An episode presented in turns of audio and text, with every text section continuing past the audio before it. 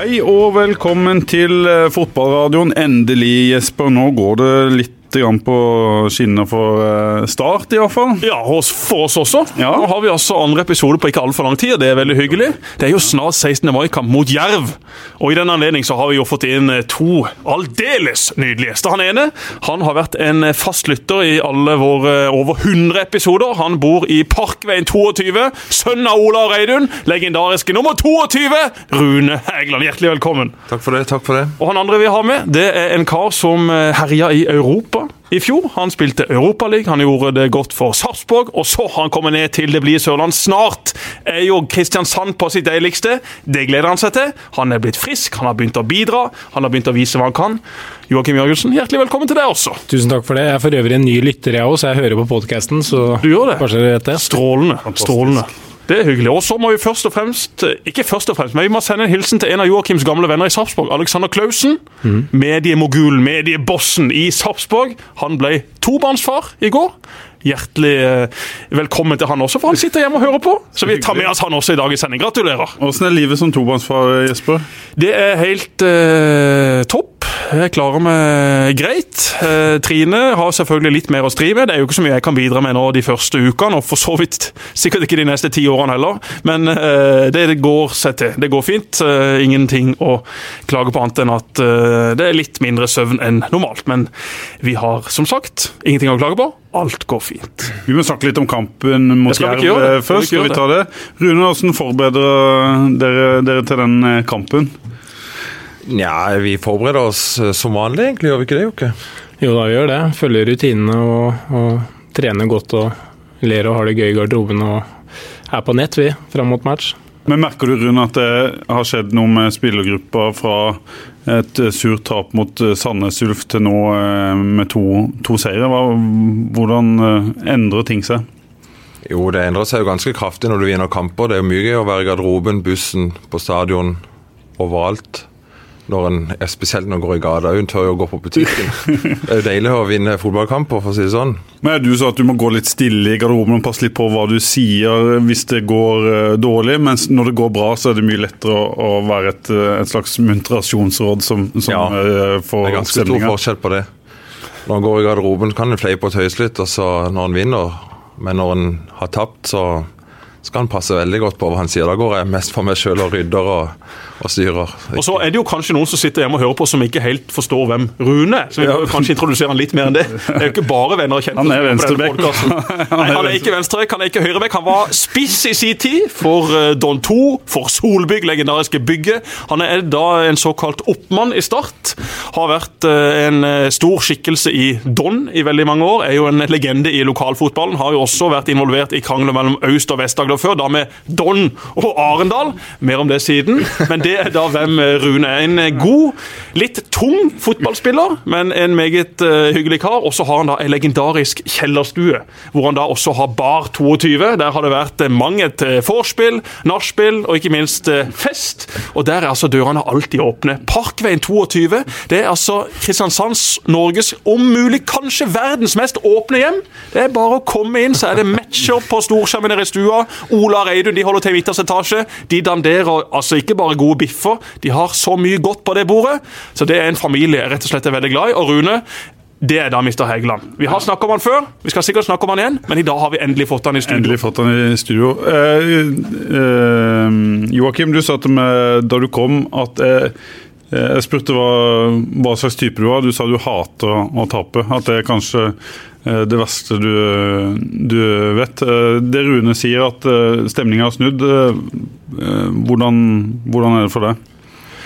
Nei, Uansett om vi vinner eller taper, så, så prøver jeg jo alltid å holde humøret oppe. Må, at det skal være så vanlig som mulig, sånn at man kommer seg så fort som mulig tilbake på sporet. Men uh, det er alltid deilig å vinne. Du merker jo det på en spillergruppe og trenerteam og hele klubben, for, for så vidt. At der, uh, nå er vi litt på gang igjen og fått noen trepoengere, og, og vi begynner å forstå spillesystemet, og da flyter alt på. Da, da, da er det deilig. Hva tenker du om den, den kampen som kommer nå mot uh, Jerv?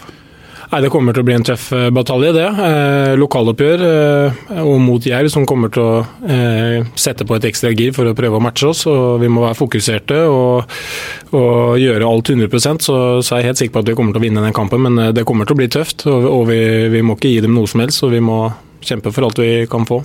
Du ble jo eh, måtte hinke av banen eh, på, på, søndag. Er du klar igjen til torsdag? Ja, det håper jeg. Ja. Hva betyr Joakim for Start, Jesper? Veldig veldig mye. Det har vi allerede begynt å se tegn på. Start har jo ikke hatt en uh, sånn skikkelig lederskikkelse i de bakre rekker. Damien Love er fantastisk på sitt beste, men han også er avhengig av å ha en bra makker, for han kan være litt uh, ustyrlig. Han kan spille litt for seg sjøl. Uh, han er ikke så flink til å styre de rundt seg. Og Den typen er jo Joakim. Han har vist i Sarpsborg, han har vist i tidligere i karrieren. Han har også egenskaper med ball, som er viktig i måten Joey og resten av trenerteamet vil spille fotball på. Så det da å få inn en kar i de bakre rekker som er såpass trygg og god med ballen.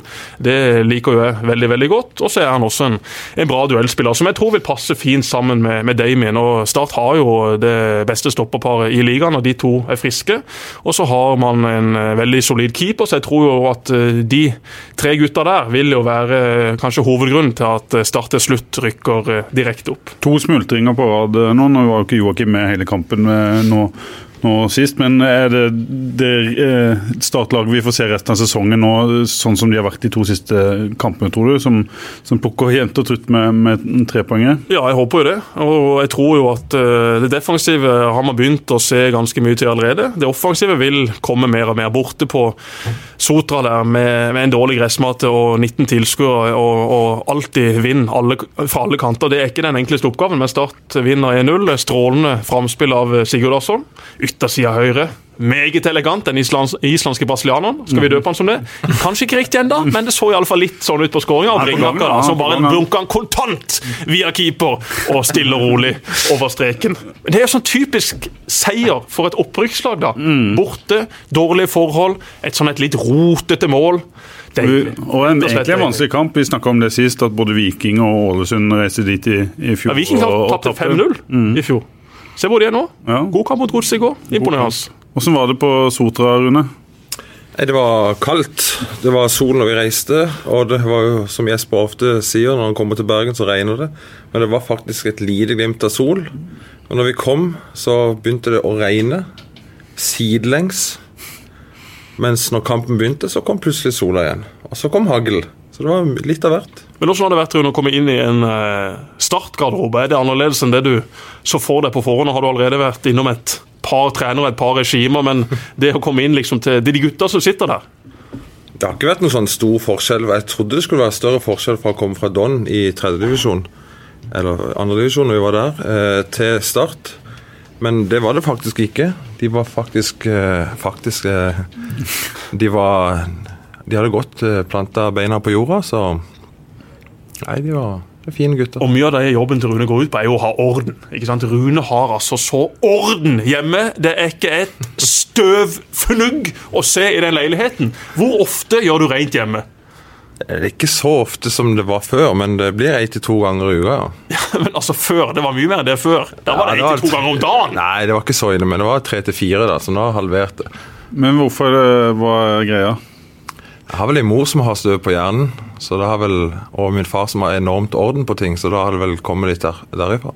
Ja, men Det er jo en styrke den jobben Rune har. Det er det som er det, poeng. Han, han, han, er en fanatiker. Det er ingen som får lov til å gå inn på det rommet hvis ikke Rune er der. Da er han redd for at det skal bli litt uordning i, i sakene og sånn, så han er veldig streng på det. Hva er har forsøkt seg litt. Hva betyr det for dere, da? Nei, da, vi pleier jo alltid å komme inn til Rune på morgenen og sitte og, og, og, prate litt og jabbe litt og ta en kopp kaffe og sånn, men uh, han er veldig streng på det at han skal gå inn i det rommet først. Så ikke det blir noe ordning uh, og urede. Men er ikke dette sånn som alle oppmenn har? Altså Det er ingen som slipper inn på oppmanns territorium? Ja, jeg har følt at det har vært litt mer sånn at døra har stått litt mer åpen. Okay. Han er veldig flink på å lukke en dør etter ja. seg og låse. Det tror jeg på. Så, så, da må vi liksom ringe Rune, kommer du snart? Ja, jeg er på vei ned. Og da er liksom, da er kaffen på gang. Da Da ligger de sånn på rad og rekke. Har vi mer kaffe nå? Jeg har igjen åtte bønner. Har han full kontroll på hvor mye som er igjen. Det er faktisk helt sant. Ja, Men jeg tok jo en må, Litt uh, artig historie. Jeg tok jo Det var fri, da, så var jeg nede i rom, og så kom jeg ned, og så har jeg sånn kasser i hyllene. Og så sto de alltid helt inne til veggen. Så sto jeg og lagde kaffe, og så var det fire i garderoben. Og så ser jeg at den ene skuffa sto litt langt ute. Så tenkte jeg hvem har vært inne og stjålet noe nå? Gikk jeg inn i garderoben. Eh, hvem er det som har vært inne på rommet? Ja, jeg var ingen. og så sier jeg men helt seriøst, ingenting er galt. Bare, hvem var det som var inne og tok noe? Ja, det var meg. Ropstad som sa der. Ja, jeg skal innrømme det. Han hadde vært og stjålet. Sånn, i helvete merka du det? Så. Nei, I skuffa sto ti centimeter enn det han pleier å gjøre. Faen! Så eh, jeg tar de når de først En tyv legger ifra seg Spor. spor, ja. Men du må jo få det videoovervåka. ja da må Han trenger jo tydeligvis ikke det. Ja, men du må, må, må jo vite det 100% så slipper du liksom å gå inn og ha et avhør i garderoben. Det finnes jo de som ikke er så svake som Ropstad, som faktisk hadde sagt nei igjen. Hvis alle fire bare hadde nekta. Du kunne jo ikke gitt skylda til alle fire. Det er jo den klassiske fra skolen. Hvem kasta viskelæret? Alle på bakerste rad, inkludert meg. Det var ikke meg. Du kunne ikke skylda på noen. Du kunne ikke sende meldinger med ti hjem.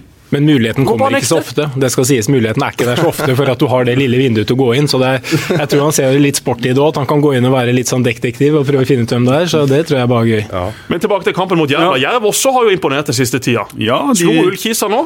2-0. Meget solid kamp. Ja. Sendte melding til Sandstø, gratulerte han. Han sa at han var meget godt fornøyd. De kommer fra et kampen de leverte. 0-5-tap, så sier at de har imponert i det siste, men de har jo eh, Ja, men jeg synes syns de er imponert. Ja, Ja. Ok, Arbeidsuhell borte mot Koffa. Absolutt. Men Poeng kampen, mot Kongsvinger borte. Et par, ja, og et par hjemmeseiere på, på rad nå. Eh, Frykter du Jerv, Rune? Nei. Frykter du Daniel Aase? Ja, mer enn de andre. Nå ble jo Daniel Aase dessverre båret av, av banen her i, i forrige hjemmekamp. Jeg var i kontakt med han i stad. Han sa at uh, han kan ikke svare på om han kan spille. I går kunne han ikke gå, i dag var det mye bedre.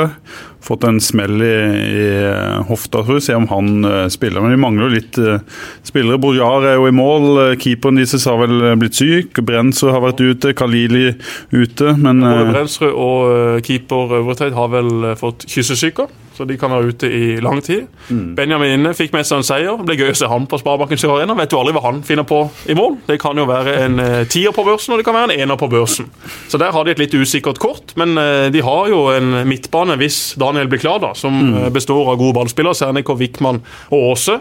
De kan jo spille rundt hvem som helst, og det er jo kanskje den sterkeste delen av laget til Jerv, syns jeg. Og i alle fall hvis de får litt tid og rom mot start. Jeg tror kanskje ikke de får det, men både Sernikov og Aase har vist at de trives å spille mot Start. I alle fall oppe på Moselmoen for et par år siden. Absolutt. Så har vi snakka litt om det før, kanskje at de, de sliter litt mer defensivt i duellspillet. Vi så kanskje det litt, eh, Joakim, når jeg spilte mot de nede på Marbella i den første kampen, at uh, dere sto ganske godt fysisk til det Jerv-laget.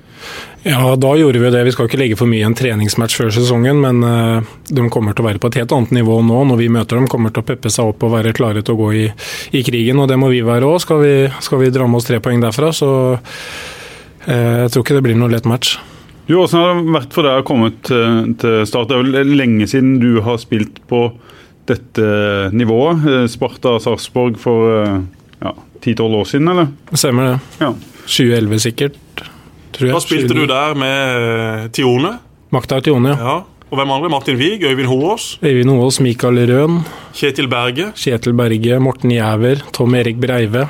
Det var mange, mange gode spille spillere. fotball, altså. Det kunne de. Det var possession Fotball, grad. fotball og, og bondebridge, det, det kunne de. Det var det det gikk i. Gikk. Men Mario Kart går det også rykter om at du er glad i. Ufattelig glad i. På hva slags konsoll? Nintendo Wii. Nintendo Wii, ja. Så det spiller du den dag i dag. Ja, det, det, det vil jeg alltid spille, for det, det føler jeg at jeg er ganske god i. Hva er liksom favorittvåpenet å få? Det røde skallet? Stjerna? Ja, det får, får aldri det røde skallet på førsteplass, får bare sånn mynt. Ja, ikke Så, sant. så du må prøve å kapre til noen bananer så du kan blokke. Akkurat. Er du, Må glad, ja, er du glad i Jeg det? spilte mye Mario Kart før. Jeg syns det var et uh, morsomt spill. er Spill du kan spille sammen med vennene dine. Fire stykk. konkurranse, ja. Ikke sant? Hos Rune har vi spilt utallige timer med Fifa opp igjennom. Og Pro Evolution i gamle dager. Og det du kanskje har sett litt av, men det jeg har sett veldig mye av, er Runes temperament. Ikke sant? Altså Rune han har kasta Kan sikkert love at det er tosifra antall PlayStation-kontroller. Ikke i veggen, men gjennom veggen. Altså gjennom dobbelt lag med gips ut i den andre stua. Altså Den karen har et sånt temperament, og det var så gøy før i tida å sitte liksom i sofaen og bare fyre han opp. Og så stor Arsenal-fan. Har jo hatt uh, våre fighter med det opp igjennom også, i og med at det er United. Men uh, han må du passe deg for i Mario Kart, for han kan gå fysisk til angrep på det. Men klarer du å holde deg rolig på benken, eh, Rune? Er det vanskelig? Ja, nei, det går egentlig ganske greit, men eh, det har vært et par eh, tilfeller hvor en fyrer seg opp. Og det er jo som regel Altså, det heter jo AD1 og AD2. Så at Bjørn Tore blir fornøyd, at vi sier Ja. det riktig. Ja. Nå tror jeg du skulle snakke om ADHD, men Nei. nei. Assistentdommer. Ja. Assistent Bjørn Tore Eh, ja, de får jo, altså, jeg, har jo, jeg har jo litt sånn temperament mot eh, spesielt dommere og sånne ting, men Men Det har du selv om du møter de på butikken. Men det, er vel, men det er vel en på benken der som enda verre. Keepertrener Frode Birkeland. ja, han må gå seg et par runder av og til for å roe seg ned, men eh, Ja, men altså, Toppnivået til Rune er det ingen på benken som er. Vi har ikke sett si. det ennå, men det kommer. Jeg har sett det. Eh, jeg skrev under for Start i, i romjula 2017, så sa Ole Erik Martinsen det at eh, jeg tror vi ble vitne til den første materialforvalteren som blir sendt på tribunen i Tippeligaen eller i Eliteserien. Dette må jo Langeland også ha prata med deg om, for Langeland kjenner jo det. Ja, vi har hatt terapi, terapitimer på kontoret mange ganger. Ikke sant? Det går bra foreløpig. Ja, det går bra foreløpig, men det, kan gå i kule varmt noen ganger. Du har fått en del røde kort opp gjennom eh, din karriere i lavere divisjoner for munnbruk. Jeg har fått ett. Ett bare. Ett bare. Du burde hatt mange flere. Ja, det burde jeg. Men det er fordi at du kjenner dommerne ganske godt. og Ja. det er hyggelig med Hva, de før hva, hva sa du? Tør du uh, gjenta det? Nei, det kan vi ikke gjenta. Det er jo Nei. det er en å søke på. Men så var du også medlem av Sebraberget. Åh, ja, det Altså, var. Sebraberget var jo da altså ultras i Don. Den harde fanskaren da Don var oppe og herja. Jarle Bullestad var jo trener. Det var jo et fantastisk lag med Vegard Haugland, Harald Haugland, eh, Giggen, Andreas Lars Christian Henriksen. Pedersen, Andreas Henriksen. vi, Norges beste vi må nevne min kompis Eivind Fløystad, som Oi, sitter hjemme og, og, og hører Hisøya, når jeg tenker på Hisøya og Øya Øya Hisøya, den sangen, så er det Eivind Fløystad. Jeg glemmer aldri Men da var det rivaleri mellom Don og Arendal. Åh, ja. Og det var litt fyrverkeri involvert i den ene kampen. Ja, det var borte mot Arendal i 2004 på Jeg husker ikke hvilken stadion det var. Lunderød. Lunderød, ja. Da var vi eh, hadde, Det var en lørdag. Vi hadde litt alkohol og litt sånn på, på kamp. Og vi hadde med oss fyrverkeri. Og eh, Du vet at det finnes et bilde av dette? Rune? Ja, ja, det var sag. Det har jeg hjemme. Ja. Det må vi få ut. ja, vi skal legge det Jeg, så det her for et par år siden. Ja. Nei, så hadde vi satt vi opp fyrverkeri liksom i svingen, eh, og så var Arendal-supporteren helt på andre sida. Og vi fyrte jo opp bluss og raketter før kamp. Fikk ikke noe tilsnakk eller noen ting. Etter kamp så satte vi opp en sånn ei kake med 25 skudd. Og så gikk jo Arendal-fansen forbi, og så sparka de til den. Og så begynte jo de skuddene å gå langs bakken. Og da var det en keeper, du må kanskje hjelpe meg med navn, men eh, andre keeperen til Arendal han var skada akkurat da han gikk med flipflops på eh, indre bane. Og han påsto at han fikk et smell og et skudd under, altså mellom beinet og flipflopsen. Så han fikk tredjegrads forbrenning under foten og tinnitus på øret. Så dette ble jo rett, nesten rettssak. Så vi havna jo i Han ene i Sebraberget, der vi var vel fem-seks stykk, og han ene i Sebraberget skaffa seg advokat, for dette her skulle han være be, bekjent av. Og vi hen til advokaten til han i forliksråd, og nå og da hadde kom det jo fram at han hadde jo der 10 000, han hadde jo vært DJ på utesteder og jobba som det. Han hadde jo ingen problemer med det i det hele tatt. Så, vi, så han advokaten da bare Ja, vi må bare legge alt dødt. Så da ble det ikke noe. Nei, Det var Kenneth Udju som eh, vel var kanskje var første keeper på Arendal akkurat ja. den sesongen. Helge. Bunsås ble utvist. Ja. Fikk to gule. Oh, ja. Det var veldig Da var det jubel i Sevran. Ja, ja, ja, ja. Og når vi leder, jeg, tror, jeg husker resultatet, Med, Det ble var- 1-0, ja. ja, vi leda 1-0, og da Vegard Haugland ble tatt av banen. Og så til, gikk han bare rundt målet og så opp til Sebraberget. Tok seg en røyk og så er det litt øl. Under kampen de siste ti minuttene. Han var så nervøs han måtte ha røyk og så litt øl. Vegard Haugland er jo Don sitt svar på Myggen. Ja. Ja. Og til 30-årsdagen så Vegard fikk jo gave av Vegard når vi spilte mot Riser. Jeg sto i mål, og Vegard fikk ikke sove hele natta. Og Vi skulle spille opprykkskamp mot Riser til fjerdedivisjon og skulle møte Myggen. Ja, det var det største. Han fikk ikke sove i det hele tatt. Og etter kampen så fikk han selvfølgelig bilde.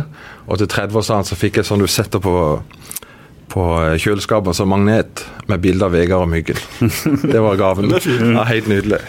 Joakim, du har spilt på høyere nivå enn en Rune i alle, alle disse åra. Eh, Jeg var inne og leste litt om, om eh, karrieren din. Etter noen meget gode år i, i Sparta, så kom flere klubber på, på banen i, i 2011. Hvor nær var du Rosenborg? Eh, Det vet jeg egentlig ikke. Det var jo da min tidligere agent Tore Pedersen som hadde ansvaret for det, men jeg vet at han hadde en del samtaler med dem, og det var vel Per Siljan som var på vei bort, og en midtbanespiller til. Jeg husker ikke hvem det var på det tidspunktet, men de skulle kvitte seg med alle, da. Så da var det både Markus Henriksen, var det kanskje? Stemmer. Så var det Celso Borges, og så var det meg, og så Anton Jannan, og så var det en bosnisk spiller som liksom var aktuelle. da. Mm. Men uh, jeg tror Sarpsborg prisa meg altfor mye, så jeg tror de gjorde helt rett i det å ikke hente meg da. si sånn. Men du gikk allikevel til, til Sverige og til Elfsborg. Da du ble seriemester i, Sverige, og var jo en midtbanespiller i, starten av karrieren, og så, øh, og så har du blitt en midtstopper. Ja, det, de fikk jo to alvorlige skader på, på midtstopperne eh, etter jeg kom til Elsborg. og Da spurte han Lennartson om kan du spille stopper. Og Så sa jeg det at jeg har spilt det litt før, men selvfølgelig kan jeg prøve. Og Så gikk det jo ganske bra, da. Og da sa han at nei, nå er du stopper. Og da, Sånn starta det, da. Ja, Hvilken type midtbanespiller vil du beskrive deg sjøl som, for de som ikke har sett deg så mye der? Eh, nei, når jeg var yngre så var det jo det at jeg var ganske målfarlig. Jeg var en boks-til-boks-spiller. Eh, men etter hvert som åra gikk, så ble det vel mer det og en sånn liten snøfreser som lå foran forsvaret og hedda enkle baller ned og spilte enkle baller til siden. Mm. Og, og, lå og passa på, da. Jeg har jo sagt at du uh, har uh, bra tempo. Um, det var et av dine kjennetegn, var det ikke det som, som uh, midtbanespiller, eller er det jeg som tar feil? Nei, det hører du sier, at det er tempo. Jeg, jeg klarer ikke helt å se for meg det ennå. men jeg var sinnssykt godt trent da jeg var yngre, og det tempoet som jeg da hadde, det kunne jeg løpe i hele matchen. Mm. Eh, men hvis jeg møtte spillere som var veldig raske, så så, så du tempoforskjellen da. Men ja. eh, da kunne jeg jo ligge på midten og, og, lese spillet godt, så da kom jeg jo til kom jeg som regel inn i duellen. Men hvis det var sånn ren løpeduell, så, så fikk de jo som regel eh, tatt meg, da. Er du glad for at du endte opp bakover i, i banen? Eh, både òg. Jeg syns det er gøy å skåre mål, og jeg syns det er gøy å spille på midtbanen. Og, og Hvis man får ligge der i fred og, og slå enkle pasninger, det syns jeg er utrolig gøy. Men eh, samtidig så er det gøy å spille stopper òg. Får jo en del ball, i hvert fall sånn som vi spiller nå. At vi vil være spillende lag. da. Eh, og, så jeg trives godt der. Fortell litt om opplevelsen av Sverige, som kanskje er et karrierehøydepunkt for, for deg? Nei, det starta jo egentlig helt fantastisk. Jeg hadde egentlig ikke noen forhåpninger om å få spille, i og med at det laget de hadde da var veldig bra. Eh, som hadde jo liksom Anders Svensson på midten og Stefan Ishizaki og, og, og Viktor Claesson. Alle dem var liksom Svenske landslagsspillere? Ja, de hadde flere av dem. Så jeg var jo egentlig der som backup og skulle lære det første året, men så ble jeg jo kasta inn i det. Eh, og var bare veldig fornøyd med at jeg fikk eh, være på laget og, og, og utvikle meg som fotballspiller. Eh, og så endte det jo med at Lennartson fikk sparken og Da kom jo da Claes Ingesson inn som trener, og det han ville litt at eh, sine spillere skulle spille. da, De som var, på en måte var eh, svenske og, og, fra lokalområdet, i og med at vi hadde hatt en sånn middelsesong. Mm. Og Da endte det opp med at jeg dro til slutt. Ja. Jeg fikk jo ikke like mye spilletid. Men Du ble seriemester, hvordan var det? Det var veldig gøy. Eh, kulturen i Sverige er jo helt fantastisk. De skaper en god ramme rundt matchene eh, og legger ofte kampene på fredager og lørdager. Gjerne med en billig lunsjbuffé og, og noen har noe godt i glasset. Mm. Og, det, og, det, er ikke dyrt, da. Eh, og så er de veldig flinke på det arrangementet rundt kampene. Så der hadde vi jo på nesten hver hjemmekamp så hadde vi mellom 14 og 17 000, og de skapte liv og røre selv om den var en veldig sånn uh, familieskjær klubb da, til, til, å være i Sverige. Du har jo en del uh, gærne supportere der, uh, men Elsborg var utrolig fine. Så reiste du til Viking. Ja. Der, da var Viking et ja, de var et medaljelag vel i Eliteserien da du var der, i hvert fall øvre, øvre halvdel. Hvordan var livet i Stavanger?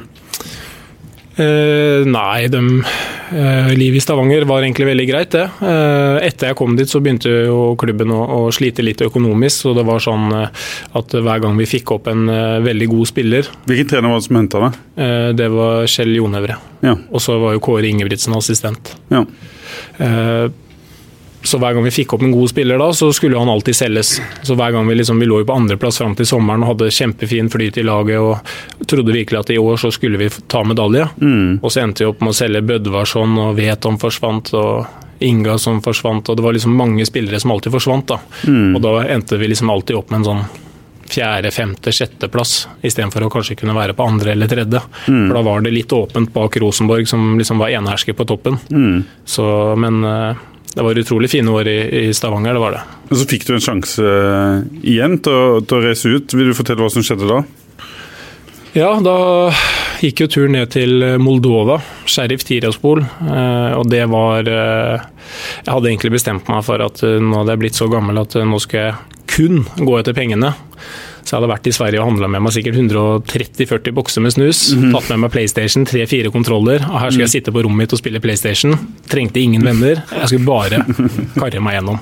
Det, det, så ærlig skal være, det var grunnen til at jeg dro ned.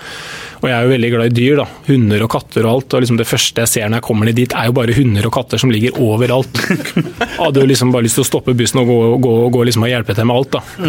Eh, og det var jo en veldig streng by. Eh, så når jeg hadde liksom lest meg opp på forhånd og leste liksom at det var veldig sånn konservativt, at militæret sto overalt, du kunne ikke ta bilder av diverse statuer og strender, og det var liksom det var liksom sånn det foregikk, da.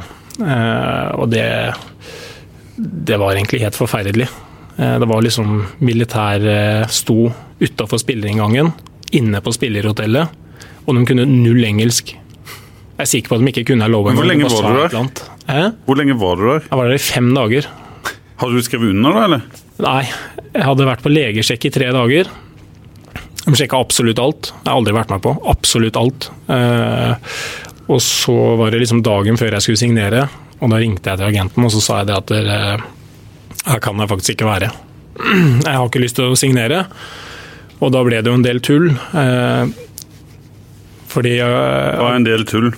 Agenten eh, ringte, eh, ringte til flyselskapet, booka billett og sa at i morgen tidlig klokka ti på morgenen så, så går flyet ditt hjem. Og han var på en måte enig da i vurderinga. Hvem var som var agenten din? Da var det Kevin og, og Atta. Kevin Ingebrigtsen, boen til Kåre. Ja. Så de, eh, det var vel Atta som hadde ordna det, og Kevin som var med på det. da, Eller hvordan de gjorde det der, det er jeg litt usikker på. Og Da gikk jeg ned i resepsjonen og, og bestemte meg på kvelden at jeg skulle reise tidlig til flyplassen. Så ikke det skulle bli noe tull, for det var jo liksom tre timers kjøretur. Men Hadde du gitt beskjed, eller var det mer sånn 'nå må jeg bare komme meg Nå må jeg bare komme meg vekk. Ja. Eh, og så går jeg ned i resepsjonen, og så spør jeg om han kan ringe taxi.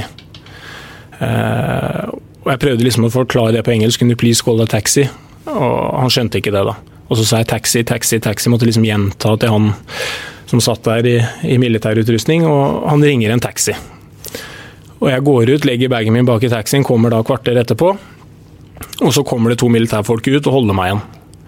Og så sier de at nei, du får ikke dra før, eh, vi har fått eh, klarsignal fra eieren, liksom. Og de begynner å ringe fra klubben og lure på hva som skjer, og sier at nei, i morgen skal du signere klokka åtte. Mm. Det har vi allerede bestemt. Og så sier jeg at nei, det, det kan jeg liksom ikke gjøre, da. Og jeg hadde jo ikke med meg noen agent der, for jeg tror Atta var nede og fiksa noe i Kina eller sånn. Og, og Kevin og dem skulle egentlig komme ned en annen dag, men det, Du det passa ikke for klubben. Jeg følte meg fryktelig alene. Har du alle kattene og bikkjene, iallfall? Jeg var livredd. Ja. Så ærlig må jeg være. Og det kan kanskje føltes ut som at jeg var mer redd enn det kanskje det var i realiteten, men det var bare militærfolk. Det var ingenting annet. Ingen kunne engelsk, utenom hun som jobba i presseoffisen i, i klubben. Mm. Så jeg ble stående der da de holdt meg faktisk igjen, og han stakkars taxigutten fikk streng, streng beskjed om at han måtte gå og sette seg på krakken og vente på beskjed. Eh, Så vi ble jo stående der i sånn 30-40 minutter, og så endte jeg opp med å, å få kommet meg i taxien da det var greit, jeg fikk lov til å dra. Og de var dritsure. Så kjører vi ut, da det er jo ikke noe lys der nede. Eh, og jeg lurer på hva som skjer nå, liksom, og ringer agenten og sier at du, fy fader, nå har jeg kommet meg vekk. Nå er jeg på vei til flyplassen. Og så, visst, så står det skilt 'flyplassen høyre', og vi kjører til venstre. Altså da inn mot skogen. Og jeg begynner å bli dritredd. Jeg tar meg to snus, husker jeg, og jeg knyter skolissene. Så lar jeg passet og telefonen i lomma, og så er jeg sikker på at etter vi hadde kjørt 40 minutter, 40 minutter feil vei fra flyplassen, inn i skogen uten lys, så tenkte jeg at ok, nå, nå skal ikke jeg være her mer, så nå er det samme, liksom. Nå skal vi sikkert ha noe Ja, jeg tenkte egentlig det verste, da. Så stopper han utafor et hus midt inne i skogen og stikker ut. Og jeg ringer agenten. Det kosta 30 spenn i minuttet der nede. Det var ikke noen sånn samarbeidsavtale på, på teleskrita der, så jeg fikk en sånn regning på 6000 etter å ha vært der i fem dager. Jeg hadde jo den nesten åpen, den tråden. Ja. og så eh, visste jeg ikke hva som kom til å skje, så jeg var så sinnssykt mye adrenalin, så jeg var liksom sånn nesten halvveis ut av døra da, når han, når han kom tilbake. Og da måtte han hente passet sitt, da, for det er sånn at du må ha pass for å komme ut av den tollkontrollen, for de er jo eh, selvstendig land. De er egenerklærte, liksom. Så jeg var jo så sinnssykt redd for at han skulle ta meg med inn i skogen og, og, og banke meg opp. Ja, Han kjørte deg til flyplassen. Han kjørte meg til flyplassen, så den, det som egentlig tok tre timer, det tok jo sånn fire og en halv time. da. i taxi. Så det var, jeg var sinnssykt glad når jeg kom på flyplassen. Da holdt jeg meg våken, faktisk. Ja. Dø, døgna til flyet gikk. Så det var eh, det Men var en opplevelse du aldri glemmer, høres det ut som. Nei, Jeg blir litt shaken når jeg snakker om det ennå, for jeg sitter og tenker på det var klin mørkt ute. Og ingen kunne engelsk eller noe som helst, så jeg var eh, fryktelig redd. Det var jeg. Vi får mye sterke historier her i Ja, fotballen, strålende, Jesper. altså. Jeg visste ikke dette. Jeg har aldri Ikke heller. lest eller hørt uh, Du har kanskje ikke fortalt det før, eller? Nei, altså Dem i, dem i Stavanger visste jo om det, Ja. eh, men eh, egentlig så var det jo ikke noe Det var vel heller jeg som tenkte feil tanker, da. Klubben Ja. gjorde jo egentlig alt rett, sånn Ja. sett, men det føltes veldig skummelt der og da. Det, Skjønner jo at du kunne tenke de barna. Ja, ja. jeg ble livredd, det skal være så ærlig. Vet alle hvordan det er å være alene på tur? Ja. Det er ikke bare bare. Nei, iallfall ikke i de landene der. Nei. Når ingen forstår hva du sier. Nei, ingen- forstår ikke hva de sier. Nei. En ting er hvis du kan kommunisere med folk. Ja, men det, det fikk jo ikke noe informasjon. Ja, og, og de har jo ikke ei mine i ansiktet heller. De er like alvorlige uansett. Ja. Hadde han sagt bare 'jeg skal hjem og hente passet mitt', vi må kjøre en omvei. Oh, herregud, ingen problem, liksom. Så hyggelig. Men uh, når vi bare kjører 40 minutter andre veien inn i skogen, så er det ikke så kult. Du var klar til å stikke av. Jeg hadde knytt skolissa, ja.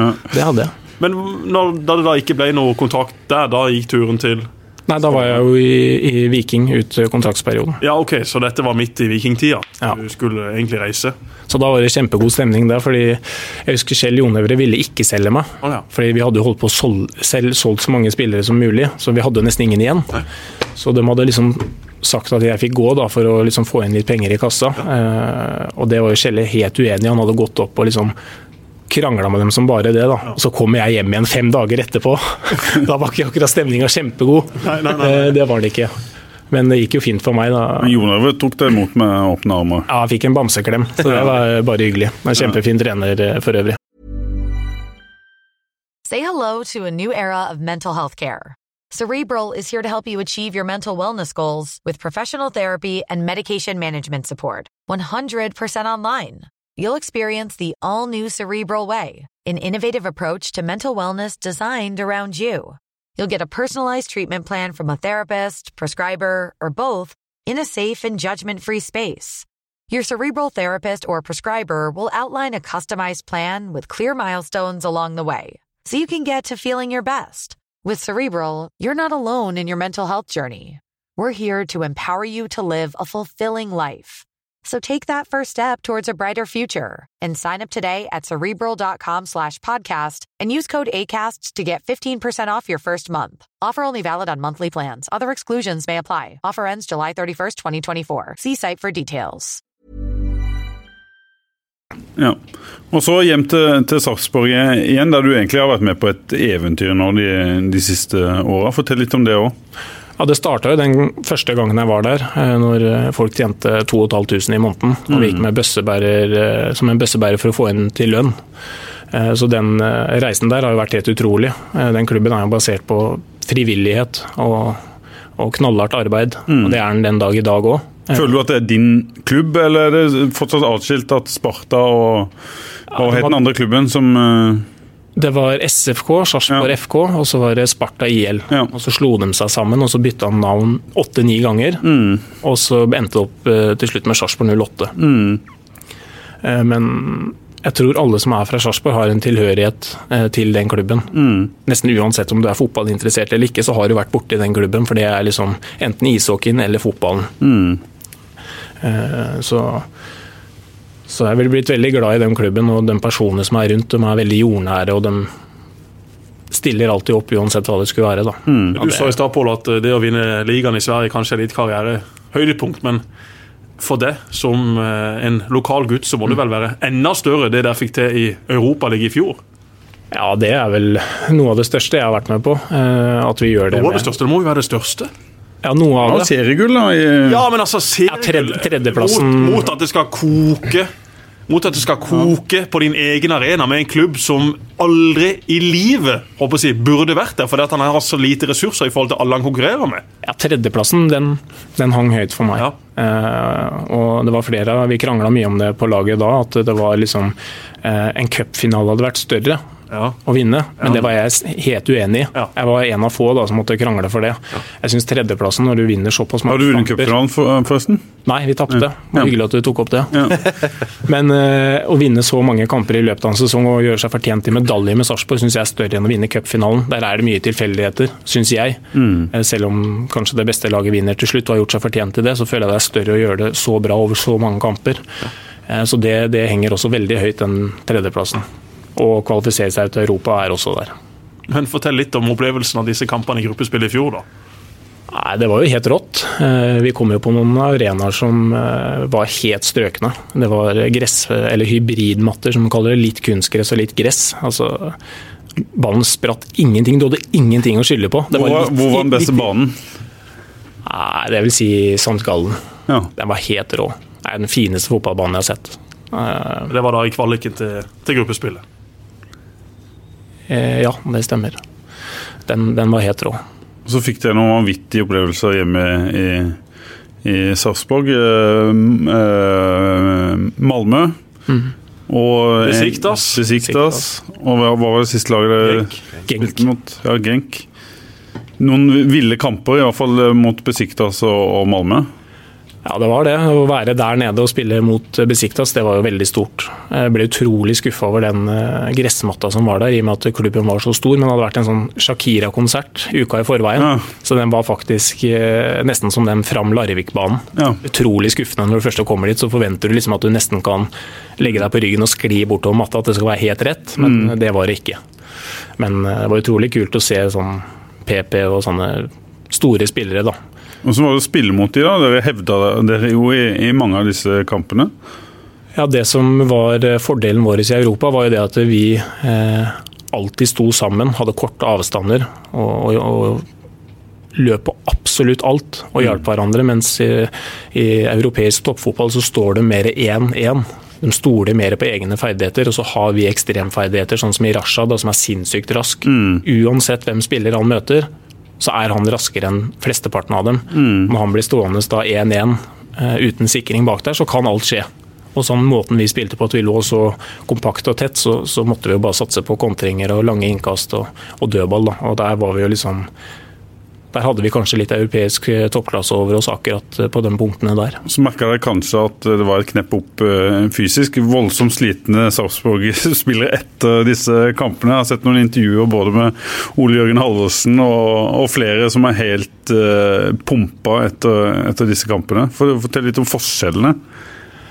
Nei, Det ble jo en del variabler der. Vi spilte jo f.eks. i Israel eh, i, i 30 grader på kvelden med en veldig høy luftfuktighet. Det var helt forferdelig. Det var sånn, Du hadde spilt 10 minutter og du følte du hadde spilt sånn 70 minutter. Siste kvalikkampen før Ja, siste eh, den, gikk inn i gruppespillet. Og de supporterne var jo helt sinnssykt gærne. Så det var jo liksom en uh, veldig morsom opplevelse, det òg. Men uh, vi, vi fikk ingenting gratis, og vi måtte jobbe for og slite for alt. Så, og det fikk vi jo se litt i serien òg. Vi hadde det litt tøft i serien. Vi hadde vel en syv-åtte kamper uten, uten seier, så det gikk jo på bekostning av noe. Men det var absolutt verdt det å få være med på det, og kunne gi byen det. da. Det var helt rått. Og Så kom eh, Start på banen, egentlig ikke etter sesongen i, i fjor, men allerede på forsommeren eller i, i fjor eh, sommer. Hvilke vurderinger gjorde du der da? Nei, kontrakta mi gikk jo ut i Sarpsborg. eh, Og de planene jeg hørte fra start om hvordan de skulle være de neste tre-fire årene framover, det lokka veldig. Så ærlig skal jeg være. Eh, De hadde lyst til å eh, komme seg oppover i Fotball-Norge. Mm. Og, og satt med både spennende spillere og, og trenernavn og alt. Eh, Og det er klart at eh, jeg har fortsatt lyst til å utvikle meg som spiller, jeg. Og hvis jeg kunne komme inn i laget og ta på en måte eh, en eh, litt lederrolle, da, og kunne eh, gi fra meg det jeg har lært til nå, det syns jeg virka veldig spennende. Så sa du i stad at du fikk eh, godt betalt hvis du hadde reist eh, til Sheriff. Antageligvis litt bedre betalt her òg enn i, enn i, i Sarpsborg. Hvor mye betyr det for deg? Det som betydde noe, var jo på en måte en kombinasjon. Eh, Jeg hadde jo tilbud fra Polen og Kasakhstan og, og, og flere er steder. så-. Veldig mye bedre mm. enn her. Men det var liksom en kombinasjon at jeg ikke skulle være for langt vekk fra hjemmet heller. Eh, og så var det viktig at eh, planene var store for neste klubben. Mm. og da er det jo ikke veldig langt hjem herfra. Selv om jeg visste at det kunne kanskje bli et steg ned mm. i, én en sesong. Eh, så da, da ble vurderingene sånn. Jeg håpa de klarte, skulle klare seg, og det så jo veldig lyst ut en periode, men så, sånn er fotballen. Hvordan, hvordan fulgte du Starts uh, høstsesong i fjor mens du da spilte Europaliga og, og eliteseriefotball med, med Sarpsborg? For å være helt ærlig, så var det det første jeg titta på. Etter vi hadde spilt kamper, så gikk jeg jo inn på, på, på livescoren og titta og så åssen det hadde gått. Eh, Så det er klart at det var jo viktig for meg å eh, starte bekjentskap allerede der. Da, og følge med på hva de gjorde og hvilke spillere som spilte og eh, hva som skjedde i klubben. Så Hvilke spillere har imponert deg mest etter at du kom ned, som du kanskje ikke kjente så godt til på, på forhånd?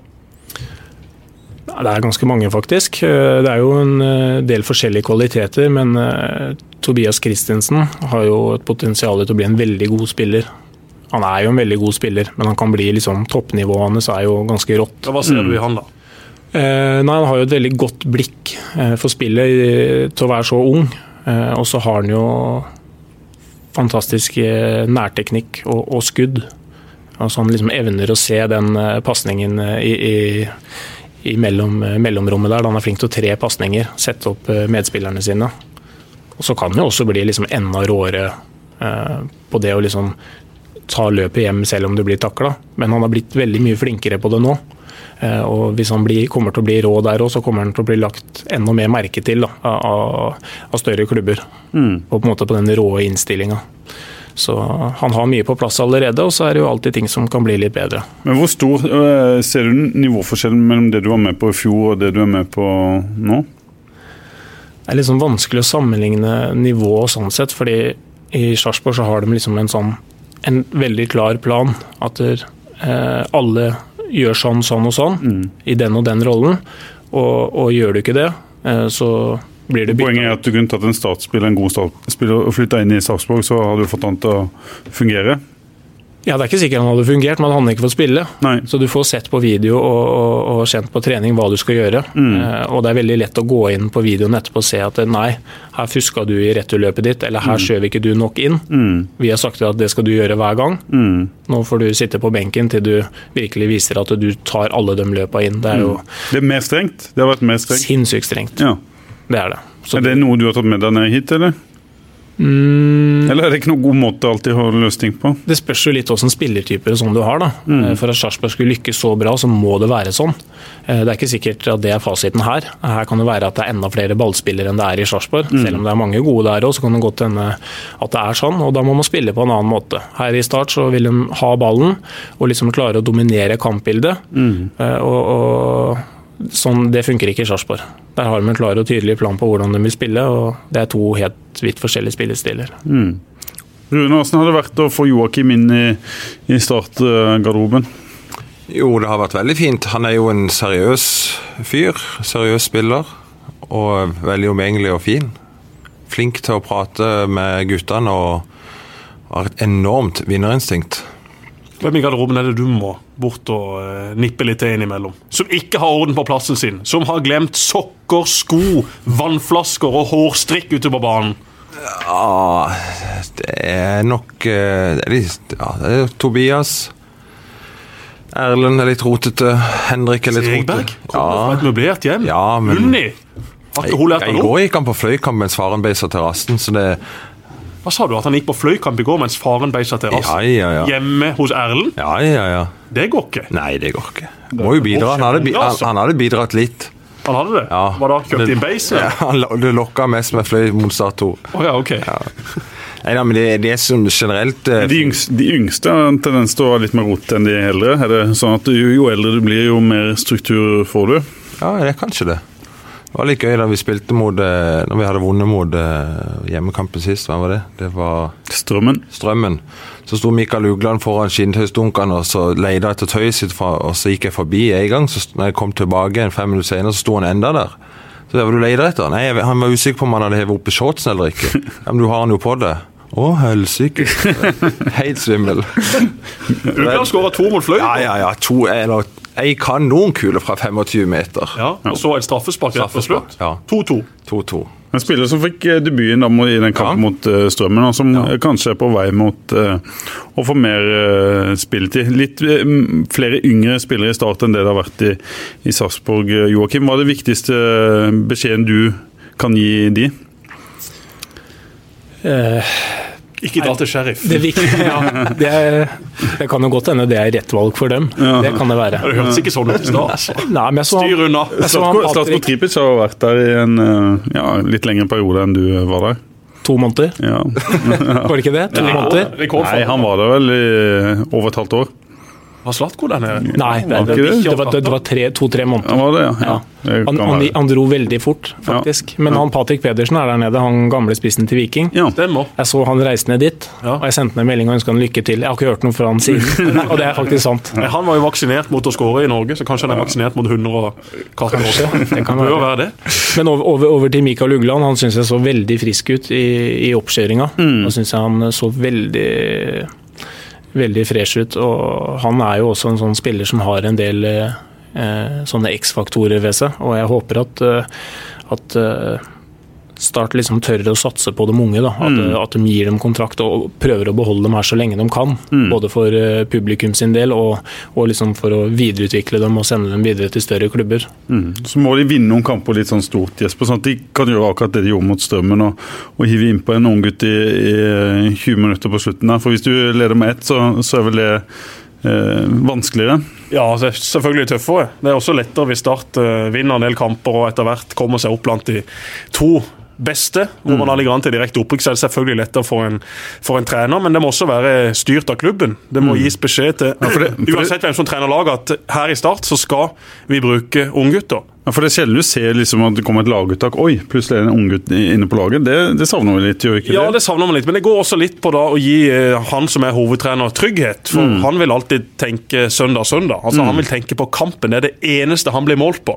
En hovedtrener blir ikke målt på om å ja, husker du Husker du Kjetil Rekdal? Han ga han sjansen for fem år siden. Nei, de husker jo ikke det. Husker jo bare at han fikk fyken. Og det er sånn trenere er nødt til å tenke. Men da må klubben inn og si her hos oss har vi det på den måten. Hvis du skal være hovedtrener, så er det selvfølgelig viktig å vinne kamper, men vi skal også utvikle egne lokale spillere. Så må jo de lokale spillerne være gode nok, men det har du en god del spillere som nå er. Nå har man allerede Tobias, som er en meget viktig brikke i dette laget. Etter hvert så kan det komme Johannes i de bakre rekker, du har Ugland altså Du har flere andre som kan slå seg inn på dette laget. Så det er egentlig bare fulgt det helt opp til de sjøl. Jeg var jo nede og fikk fullt laget i eh, Marbella, og da mm. så man jo at eh, disse unge gutta har lyst. Så får vi jo se hvor mye ferdigheter de har, men at de har lyst Må de trente jobbe for det. ekstra, ja, de må jobbe for det. Og så må du ha marginer, og du må ha flaks, så du må unngå store skader osv. Så, videre. så det er en eh, lang vei inn på et eh, startlag. Selv om ikke Start er på sitt beste akkurat nå, så er det allikevel en, en lang og tøff vei inn. For det er en eh, spillerstall med, med mye kvalitet. Og det syns jeg også bare er fint for de unge gutta. At når det kommer opp en eh, stopper nå fra Lund eller Gimlekollen eller Hånes eller hvor han skulle komme fra, så kan han se på Joakim. Ok, her ligger lista. Når vi snakker om ballbehandling, fysikk osv. Da vet du liksom ok, jeg må opp på det nivået for å kunne få spille på dette laget. Og jeg har lyst til å sende Joakim ut på benken. Det må jo være ambisjonen til de som skal inn på den plassen. Du, Joakim, jeg pleier å spørre de som er, er fotballspillere, hva, hva slags barndom de hadde, og hvordan de slo seg inn på, eh, i A-lagsfotballen på, på toppnivå. Hva var nøkkelen for det?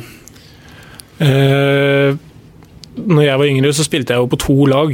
Eh, et sammenslåingslag og, og et juniorlag. Eh, så for, jeg var aldri noe god når jeg var ung. Jeg var, Hva, egentlig, hva vil det si? jeg var aldri tatt ut på kretslaget eller noe sånt. Jeg var med på et par sonetreninger, men var aldri god nok for Hvor spilte du på banen? Jeg spilte på midtbanen. Eh, Men når jeg var eh, 14, så ble jeg tatt med han eh, Joakim Klæbo, som var sånn eh, spillerutvikler. Eh, Han som er eh, assistenttrener i Kristiansund nå. Ja. Eh, Han hadde jo juniorlaget til Borg, og der var det jo eh, Ole Jørgen Halvorsen, eh, Lasse Stav. Begge de to var jo på landslag og veldig gode spillere. Da, veldig sånn, Alle i Norge veldig- fulgte med på dem. Lasse Ja. spiste Ja, enormt, altså! Dere, to er, dere to er like gamle, hvis dere ikke vet det. Ja, ja, altså Lasse Stav han, han spiste altså noen tallerkener. Ikke bare én, men hadde både fire, fem og seks tallerkener til middag. altså. Keeper ble aldri det helt store på seniornivå, men var en strålende keeper på den tida. Var jo to og en halv meter høy allerede da han var 14-15. Ole Jørgen Halvorsen, da, legende i Sarpsborg, driver jo også med masse gøy utenfor banen. Norges beste bryter i sin tid. Det stemmer. Blant eh, de unge gutta. Så ja, jeg har spilt masse med de. Men du hadde no, noen å, strekke deg etter? Ja, jeg var veldig heldig som fikk lov til å være med på det laget. Jeg fikk jo aldri spille kamper, eh, men jeg fikk jo vært med og trent eh, hele tiden. Hvor gammel var du da? 14? Ja, 14 eller 15. Så på benken? Eh, ja, til slutt så fikk jeg sitte på benken, eh, men eh, jeg fikk være med og trene med dem. Da fikk juling hele tida, hver trening. Men du var like gammel? Nei, alle var jo De var jo 16, 17, 18 og 19, da. Ja. Så alle var jo mye eldre enn meg. Ja. Men eh, det var en uh, utrolig fin læring å ta med seg videre. Uh, og etter hvert så ble det jo sammenslåing med dem som spilte i Borg, gikk jo over til Sparta. Mm. Uh, og så fortsatt eh, Da var klubben i andre divisjon. Og da ble jeg jo tatt opp på A-laget der. Nå skjønte du at du kunne bli toppspiller? Ehm, det var vel Ja, det var vel rundt den perioden, da.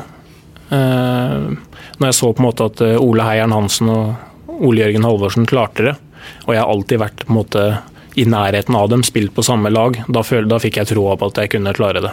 Eh, Jeg husker jeg tok det ganske tungt at jeg aldri fikk være med på noe kretslag eller sonesamling eller landslagssamling. Eller, det tok jeg ganske tungt, men eh, det ga jo også motivasjonen til, til å jobbe på videre. Og, og, så Kan du se på det som en slags eh, fordel nå, i, i dag? ja, hvis du er sta nok og du ikke gidder å gi opp, så, så løsner det til slutt. Eh, Du må bare jobbe for det. Eh, Det er ikke alltid dem som er best når de er 14-15 som, som lykkes. Så jeg det på Vang òg, når jeg gikk på toppidrettsskolen, så hadde vi vel seks-sju spillere fra Moss som var på landslaget, og ingen av dem spiller fotball i dag. Mm. Eh, Det er vel Martin Tømt Jensen som kanskje spiller i Moss tredjedivisjon nå, eller Mm. Eh, Så det er ganske deilig å se tilbake på det. Eh, Jeg var det liksom den eneste som klarte det, da. Og jeg var ikke i nærheten av dem da. Og dette må unge fotballspillere høre på. Altså, Det finnes så mange 12, 13, 14, 15, 16, 17-åringer som sitter der ute og som har en drøm om å bli fotballspiller. Ok, Det er ikke sikkert du blir det, men det er sånn at den som er best 14, 15, 16, er ikke Altså, Det er nesten aldri den som blir best til slutt. Du har selvfølgelig noen helt unike talenter som du bare ser ok, han blir fotballspiller hvis han bare sjøl vil. Som Tobias, som vi har vært eh, innom. Ja da, men det finnes langt råere talenter enn Tobias opp Men gjennom tida. på, på, Absolutt. I, i dagens, i dagens Start er jeg helt enig i det. Men uh, som Joakim sier, altså, folk må liksom ikke legge for mye i ei sonesamling, ei kretssamling, ei landslagssamling. Glem det. Se nå fire-fem år frem i tid og bare bestem deg for at vet du hva, jeg skal bli så god som jeg bare kan. Og hvis ikke man gir opp, så har man store muligheter til det. Stig Inge Bjørneby satt på benken for Elverum sitt guttelag. Endte opp med å spille venstreback for Liverpool og for det norske landslaget. Masse suksess.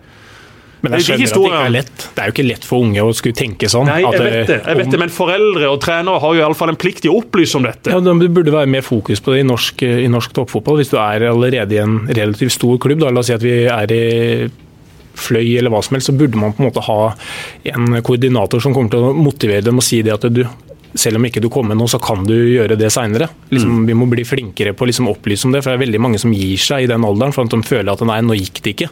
Følte liksom, nå er jeg gitt opp. Ja. Som kanskje kunne ha lykkes allikevel.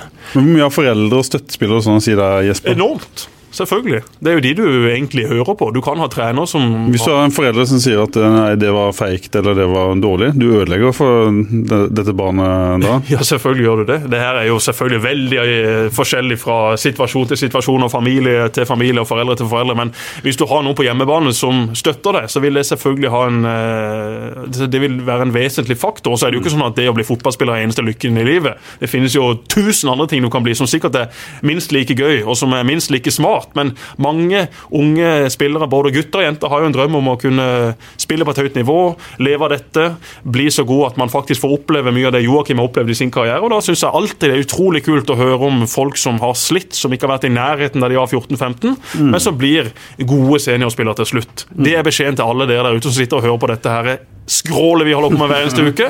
Ikke gi opp, ikke gå i grava selv om man ikke kommer med på en kretssamling når man er 14. Det har da ingenting å si i det store bildet. Husker du han, eh, Joakim? Eh, Dere er født i samme årgang. Du var den store stjerna, kanskje, i åtte, ikke bare kanskje, den store stjerna i 88-årgangen i, 87. i, i, i. Ja, du er født i 87. Spilte dere sammen? Nei, jeg tror aldri vi har spilt sammen. Mot, nei, mot hverandre, mente. Ja, nei, jeg vet, altså Vi har vel spilt noen kamper mot hverandre. Det har vi. Det har vi. Men Joakim Thomassen han var vel kanskje med på noen landslagssamlinger sammen med dere? Ikke, på, ikke så mye, i alle fall. Det var Ole Høyan Hansen etter hvert. Ja. Ole Jørgen Halvorsen var med. eh, Lasse Stav var med. Ja. Det var et par fra Moss. Morten Jacobsen. Morten Jacobsen, ja. Han var- han, han var god. Han var ganske god da han var 15-16. Han var ikke i nærheten av meg, men han var ganske god likevel. Men han forsvant. Han forsvant. Ja. På Start hadde en veldig god 88-årgang med Espen Børusen, Morten Hestad og, og Morten Hestad, 87. Ja, 87. Ja! Christer Kleven, Espen Børusen. Nå må jeg, nå må jeg ta riktig må du heve det, altså. årstall. Nå må jeg Per. Christian òg, var kan han med? Hvem? Fra Moss. Per Christian. Jo, det var en Per Christian. Ja, stemmer. Per Christian Fylling. Ja, Han var inne litt. Var- Og så var det en som heter, en som heter eh, Fredrik. En liten tass. Ja. En liten hissigpropp. Ja, Fantastisk god. Ja, strålende. Midtbanespiller. Hvor ble det av han? Han spilte i Fyllingsdalen, faktisk. Akkurat. Fem-seks år siden. Ja, ok. Så han flytta til Bergen og fikk jobb. Og Men dette var jo liksom de første troppene som ble tatt Mm. ut av da vi var 16. Og i den 18-mannstroppen altså, Lilling het den. ok, ja, som hadde blitt valgt ut etter masse samlinger, så var det liksom to-tre spillere som etter hvert ble Eliteserien eller høyere. Så det sier egentlig alt om hvor vanskelig det er å plukke ut de som blir gode til slutt. Og så forteller det også da at en del av de som blir tatt ut, blir litt komfortable med det, og så går det en F i de som ikke blir tatt ut. Og så kommer de til slutt forbi. Hadde du ambisjoner, Rune, som fotballspiller? Nei. Jeg måtte vel ta et valg da jeg var vel 17-18 om håndball og fotball. Og det er vel egentlig det dummeste valget jeg har tatt, å tatt og holdt fotball, for jeg var klart best i håndball. Og jeg, som mange Hvor høy er du? Nærmere to meter? Jeg er to meter høy nå, ja. Og jeg var, dro vel litt i været når jeg var fem. 2,05 da han var 16. Nei, så jeg tok Er et du to meter? Er du høyere enn meg? Ja. Altså, jeg trodde ikke det. Nei, jeg, skulle, jeg tok et valg mellom håndball og fotball da jeg var 17 eller 18. Og da eh, ble det fotball, og så var jeg ikke god nok til start. Og da gikk jeg til Solbygg. Og første sesongen i Solbygg så sa jeg jeg skulle golle mellom 15 og 20. Det endte opp med to siste seriekamp. Det er betydningsløs kamp. Så Men du drev jo butikk. Ja, det er butikk, tida, Svein Konial, som det het. Hvor det da er pizzabakeren. Nå er pizzabakeren rett over dyrklinikken. Hvordan var det å drive butikk alene? For du hoppa jo ut av skolen på videregående. Det er det sikkert noen som vet, og kanskje ikke alle vet det, men du var lei av skolen. Du gadd ikke gå opp der og lære om norsk og engelsk og diverse andre uinteressante ting. Du ville ut og drive business. Ja, ja, ut og tjene penger. Og det var så hyggelig. Alt inn til Rune der mellom treningene. Ha seg en god lunsj. Hadde jo alltid ikke verdens største varmdisk, men det var litt varmdisk. Litt Ja. fiskekaker, litt karbonader, et rundstykke her, en lita god der, og så koste vi oss på bakrommet. Strømstad også mye innom. Strømstad var innom, bestilte chipskartonger. For det var jo den ikke spansk paprika, men salt og pepper en av dem som Sørland Chips tok av markedet. Ja. Rett før de skulle ta den av markedet, så bestilte jeg inn fem-seks kartonger. Så Strømstad fikk chips ut et par måneder iallfall. For Strømstad spiser Tjente mest du, pe sørlandschips tjente du penger på disse startspillerne, eller fikk de spesialbehandling? Nei. De, Peder Vinsnes gikk Spesialbehandling. Alltid fullpris hos Rune vi betale. Alltid! Eh, Peder, Peder Vinsnes han var ofte innom etter trening, for han bodde jo oppe i Smidalen, gjorde ikke det, sammen med Kai Og og Pål. og Pål. Og det var alltid innom. Jeg har bodd sammen med Peder Vinsnes, det er helt utrolig. Ja, Peder Vinsnes, legende. Ja. ja. Men så starter du etter hvert den pizzabakeren som er der i dag. Ja, i 2004, er det det? 2003? Ja, også var mye innom, altså. Jøss, så mange ruller med pizza, eller pizzadeiger du måtte hive ut av du og Hasse, din gode venn. Ja, ja, ja. Vi var jo en fantastisk gjeng der nede. Så det var veldig gøy. Vi lå vel topp fem i Norge på omsetning hver uke. Hver måned. Var du lei etter hvert av de der pizzagreiene? Ja, du blir jo litt lei av det etter hvert. Så Hvor mange dager var det om han? Nei, det husker jeg ikke. Men Alexander Tolvsen, som driver det i dag, han har jo drevet det siden. og Han gjør jo en fantastisk jobb. Ja, han Det gjør det det jo- bra. Ja, ja, ja. Er det den pizzabakeren i Norge som går best? det vet jeg ikke, men han gjorde iallfall det da. Ja. Eller blant de fem. En av de beste kundene til Tolvsen, vet du hvem det er? Kristoffer Langeland. Ja.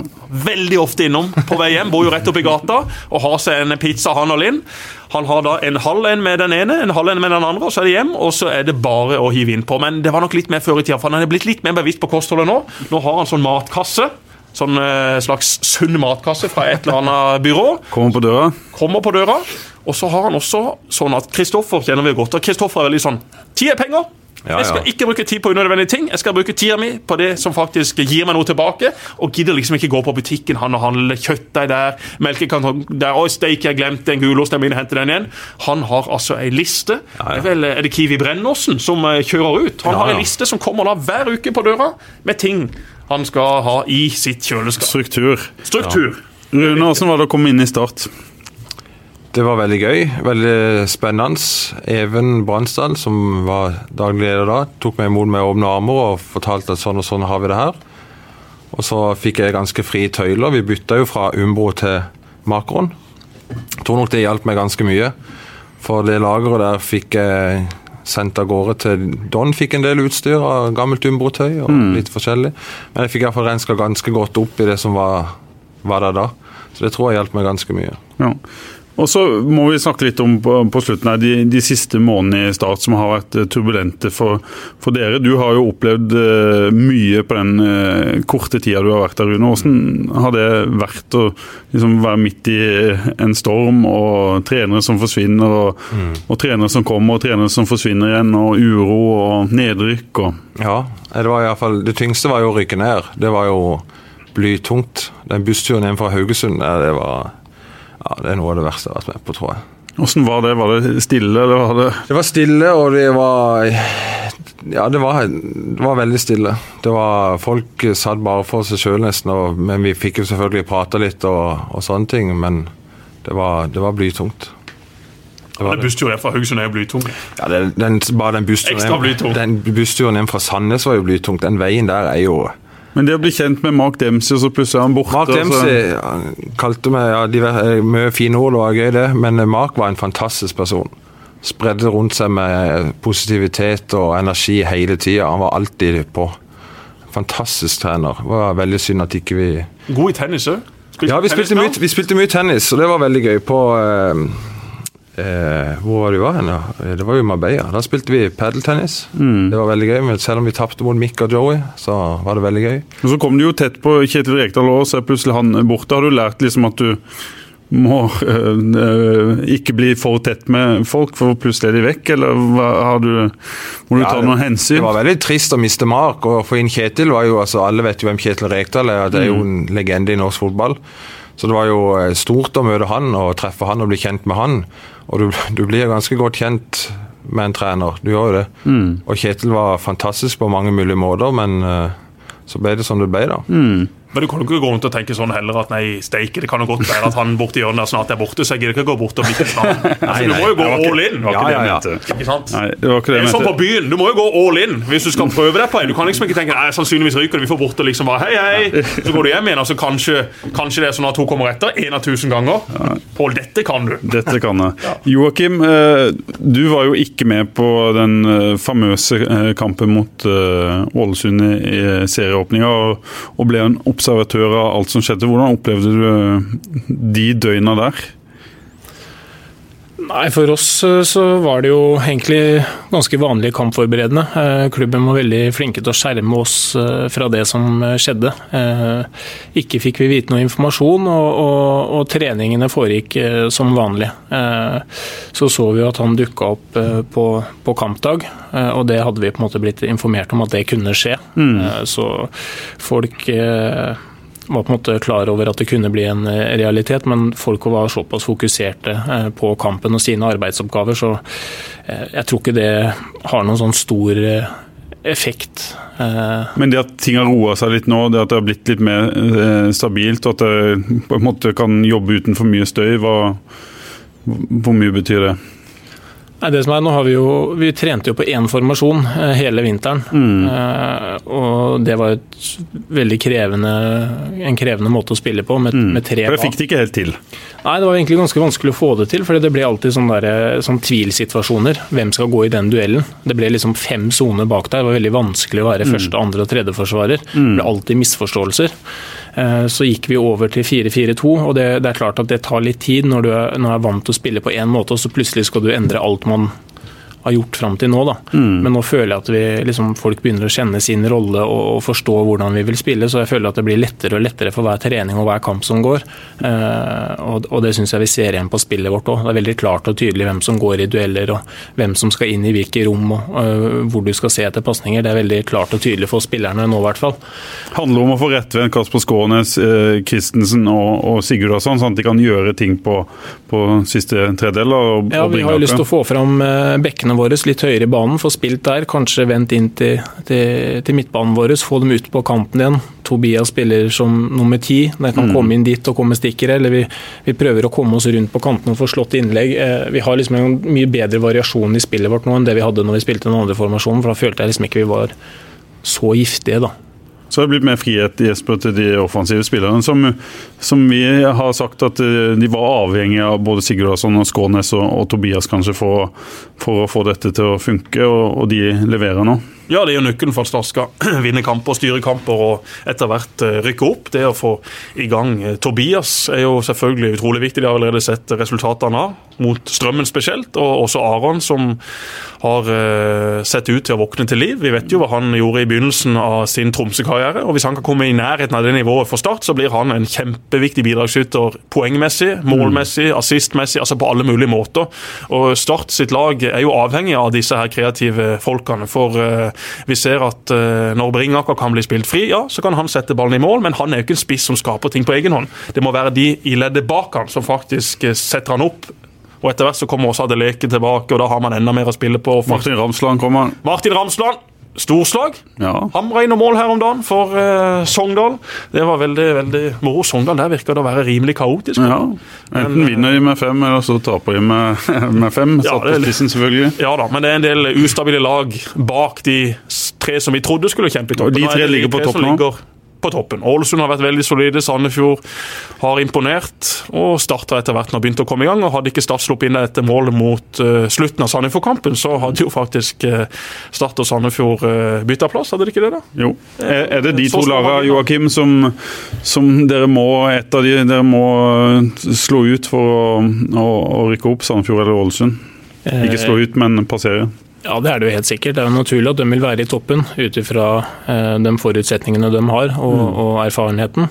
Men eh, det er klart at vi skal komme oss opp dit. Eh, sesongen er så vidt i gang, og, og, det er mange kamper igjen. Folk kommer til å gå på feilskjær. Vi kommer helt sikkert til å gå på noen feilskjær til selv. Mm. Men så blir det måten vi reiser, reiser oss på. Nå syns jeg vi har stått godt i det en periode. og vi har Tapte borte mot Sandnes, taper mot Fram, og så kommer vi å ta to seire på rad nå. Eh, ikke noen enkle kamper, det. Eh, og Vi må bare fortsette å stå på, og så er jeg helt sikker på at det kommer til å bli bra til slutt. Og Vi vet jo at Ålesund hadde forrykende sesongstart i fjor. De hadde 8-1-0 tror jeg på de ni, ni, eh, første kampene i fjor, før de begynte å Jeg syns de leder Obos-ligaen hele 2018. Ja. De klarte ikke å gå opp. De rota det til på slutten. De men eh, de har jo den fra i fjor. men jeg må si, jeg er veldig imponert over måten de har starta sesongen på i år, når det mm. ble en så stor nedtur i fjor. Det mm. kunne jo fort vært at den spillergruppa og egentlig hele klubben hadde hatt en nedtur som hadde vart langt ut i april og mai, mm. men de har virkelig respondert godt. Og For meg nå så ser de ut som det mest solide laget med tanke på den starten. De har fått allerede seks poengs forsprang på start. Mm. Og Ålesund har møtt Start i Kristiansand, og de har vel også møtt Sandefjord i Sandefjord, så de har gjort unna de to tøffeste bortekampene. Men det mm. blir uh, jevnt hele veien inn mellom disse tre lagene bare glem at det kommer noen andre og involverer seg i den der direkte opprykksstriden. Det har jeg veldig liten tro på. Ullkisa, Sogndal, disse lagene her, ja, de har et høyt toppnivå, men det Sandnes svinger altfor mye. Sandnes Ulf, glem det. Ja. Ikke i nærheten over 30 kamper. Og så har vi Jerv, da. Vi må si, snakke litt om, ja. om Jerv før vi, vi, eh, gir oss eh, her. Kan de blande seg inn i en kvalifiseringsplass igjen i år? Ja, det er såpass jevnt at det kan de selvfølgelig gjøre. De har sine mangler, syns jeg, i, i laget, men samtidig så Fått en spiss som eh, leverer nå, ser det ut til. Ja, de ser ut til å ha funnet en spiss, og de har litt forskjellige alternativer på topp, som gjør at Sandstø kan bytte litt rundt, basert på hvem de faktisk møter. Eh, litt spørsmålstegn i de bakre rekker, syns jeg. Litt spørsmålstegn på keeperplass. når mm. det er Benjamin jeg, jeg elsker Benjamin både som person og som fotballkeeper, men Tommy Runar, må han inn? Eh, Tommy Runa kommer vel ikke inn med det første, men er det en ting som er sikkert, så er det at Tommy Runa holder seg godt. Han spilte, like spilte Jerv to-kamp i går og satt på, på benken, benken sist. Uh, sist. Altså, Tommy kunne gått fint inn og løst en keeperhold i Obos-ligaen. Det må ingen være i tvil om. Husker godt da han eh, ble lånt ut til Fredrikstad. Og, det er vel han som tar ut keeper nå i Jerv, sammen da med Anne Sandstø. Ja, så han kan ja, men, ta ut seg men, altså, da han kom til Fredrikstad, og Fredrikstad tok jo etter hvert sølv, mm. og Tommy hadde jo aldri stått håper jeg, med sånn trøkk før, men bare rett inn iskald, mm. leverte haltliggende ristspark. Altså har jo den beste utsparkteknikken av samtlige keepere. Suser han så vidt den ballen, og så ja, så Rune Nilsen hadde en fantastisk presis venstrefot. Kenneth Høie hadde en kraftfull venstrefot, også presis. Men altså den teknikken til Tommy, mm. jøssa meg, altså. Mm. Altså Sånn med et golfslag gjennom ballen, og ballen bare fum, av gårde. Mm. Så Tommy han kunne fint gjort en jobb. Og jeg tror jo det, at hadde du satt han inn på uh, Jerv, så hadde ikke Jerv blitt noe dårligere på keeperplass. Ikke fordi Benjamin er en uh, dårlig keeper, men rett og slett fordi at jeg tror Tommy holder seg veldig veldig godt. Og Benjamin- han er iskald i huet. Ja, Benjamin gjorde for øvrig en veldig god kamp nå for, Ja, det er det jeg sier. Han har eh, et toppnivå som er helt enormt. Kan jo hoppe til himmels og kan eh, ta saltoer med ti ganger skrua i det hele pakka. Men det kan også bli litt kok i toppen der til tider. Han har kasta sine baller i nettet. Såpass ærlig må vi være. Men best trente han kanskje i, Start i fjor, Rune? Ja, det finnes vel ikke en mann nesten altså, Hvis spikeren må handle inn mer vekter til en mann, for det er for en maskin, altså. Det er, man liker å vise det òg. Ja. Oh, ja, det må du ikke tvil Nei, det- Det må ingen lure Nei, på. nei, nei, nei. Det må ingen lure på. Han går alltid på spikeren i prime time, sier jeg for meg. Nå har ikke jeg vært så veldig mye på spikeren siste årene, men noe slår meg at Benjamin han går der når samtlige fra Universitetet i Agder er og trener. Ja. Rutinert. Rutinert. Jeg tror vi skal begynne å, å runde av. Ja, bare kjapt. Don Ja. to runde, det finnes ikke lenger sånn som det var for noen år siden. For da hadde du henta altså Hoff, Strømstad, Doffen, Engedal, Ole Gerhard Sørensen. Altså Ja. du hadde henta inn Los Galacticos i Agder. Kleiven var jo òg innom. Christer, ja. Takka nei til Ålesund. Takka nei til Ålesund, kom til Don 2. Takka ja til Don 2. Den er fin. Så det var Det var spillerlogistikk på verdensnivå. Ja, det var jo det. Jeg spilte fotball med unge hester i går. Det var, det var eh, seige Var det seige greier? Ja, det var det, altså. Ja, Vil du si han er blitt litt tung, eller Nei, eh, det er han ikke. Han, han tror jeg er godt trent og holder kroppen i, i gang, men han har vel noen hofter som Ja, det er ikke funker. Kan, når vi spilte kamper siste året i Don 2, når vi vant femtedivisjon og rykka opp til fjerde, så var det så, Vi trente vel fire ganger det året, ellers spilte vi bare kamper. og Han kunne ikke gå på to eller tre dager på jobb, så han, de spurte hva han hadde gjort for noe. Jeg bare spilt kamp. Så han kunne ikke gå på jobben i banken der. Jeg trenger ikke å gå så mye på jobb i banken heller. Det er jo stort sett å sitte rolig bak pulten og hente inn enda flere kunder. Ja. Vi må få Doffen. Vi har ikke hatt Doffen ennå. Vi må ha 100 episoder, og Doffen har Fått ikke ny jobb i Sparebanken Sør, blitt uh, sjef nå, så nå, nå men, han rykka opp nå? Ja, han rykka opp. Ok, Kanskje jeg har en prat med han, da? Kanskje de kan gi meg det lånet her? Sikla på. Det var jo Stoffen før, vet du. Men Sparebanken Sør kunne ikke gi meg så mye lån som jeg ville ha, så da måtte jeg bytte bank. Sånn er det. Men vi sier takk for i dag, og så må vi ønske dere lykke til mot uh, Jerv på, på torsdag. Tusen takk. Takk for det. Feidia banen, da.